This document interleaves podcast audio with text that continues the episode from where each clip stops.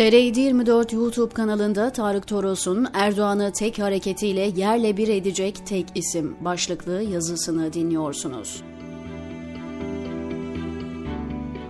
Muhalefet partileri ve olası Cumhurbaşkanı adaylarının bu yılın Şubat-Mart ayına kadar devam eden yükselişleri birden durdu. İktidarın 21 Aralık 2021 dolar depreminden bu yana aldığı pansuman tedbirler ve halkın yüksek enflasyonla yaşamaya alışması Cumhur ve Millet İttifakları arasındaki dengeyi bir noktada tutuyor ve bu denge epeydir değişmedi.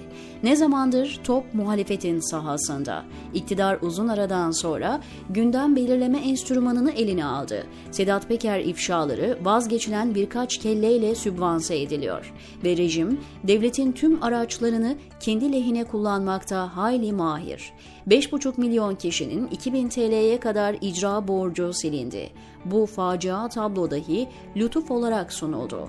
Nasıl ki bir sporcuya doping yüklemesi çıktığı turnuvayı lehine çevirmeye yeterli oluyorsa, iktidarın ilaveten hakemi ve seyirciyi manipüle etmek dahil başvurabileceği tüm olasılıklara yüklendiği bir dönemden geçiyoruz. Sporcu dopingli diye madalyasını geri alacak bir irade yok ortada. Altılı Masa'nın kurulması mühim bir hamleydi. Arkası gelmedi henüz. Görülüyor ki çok hassas ve her an bozulabilir partisel kriterler var. Kemal Kılıçdaroğlu Fox TV yayınına katıldı. Kaç gündür bu konuşulunca ilgili bölümü dikkatle izleyip not aldım.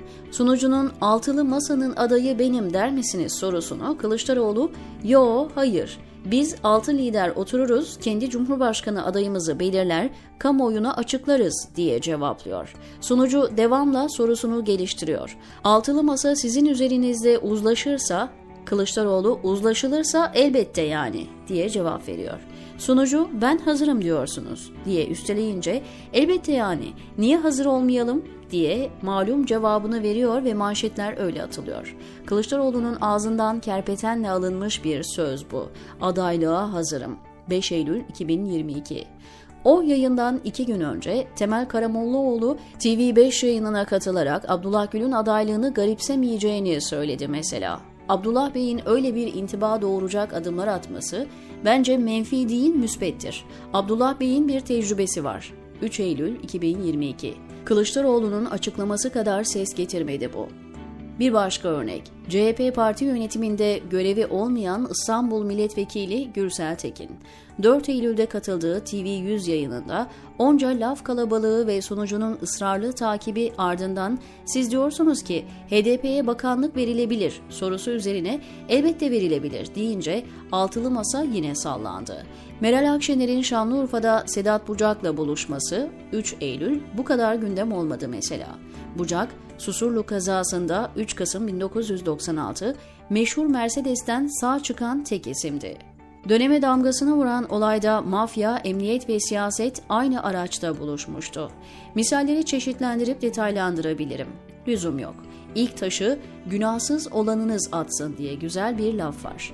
Ülke seçime doğru son düzlüğe girdi. İktidara talip olanlar bunda samimi ise incir çekirdeğini doldurmayacak konularda polemiğe dahi girmemeli. Gürültü çıkaranların o partilere yerleştirilmiş rejim aparatları olduğu açık.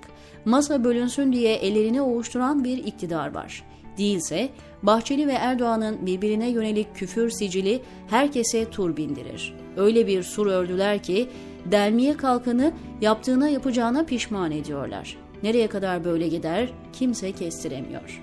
Altılı masadaki altı liderden emin değilim. Emin olduğum şey Erdoğan'ı tek hareketiyle yerle bir edecek tek isim Bahçeli. Korkarım oraya kadar bekleyecek gibiyiz, diyor Tarık Toros TR724'deki köşesinde.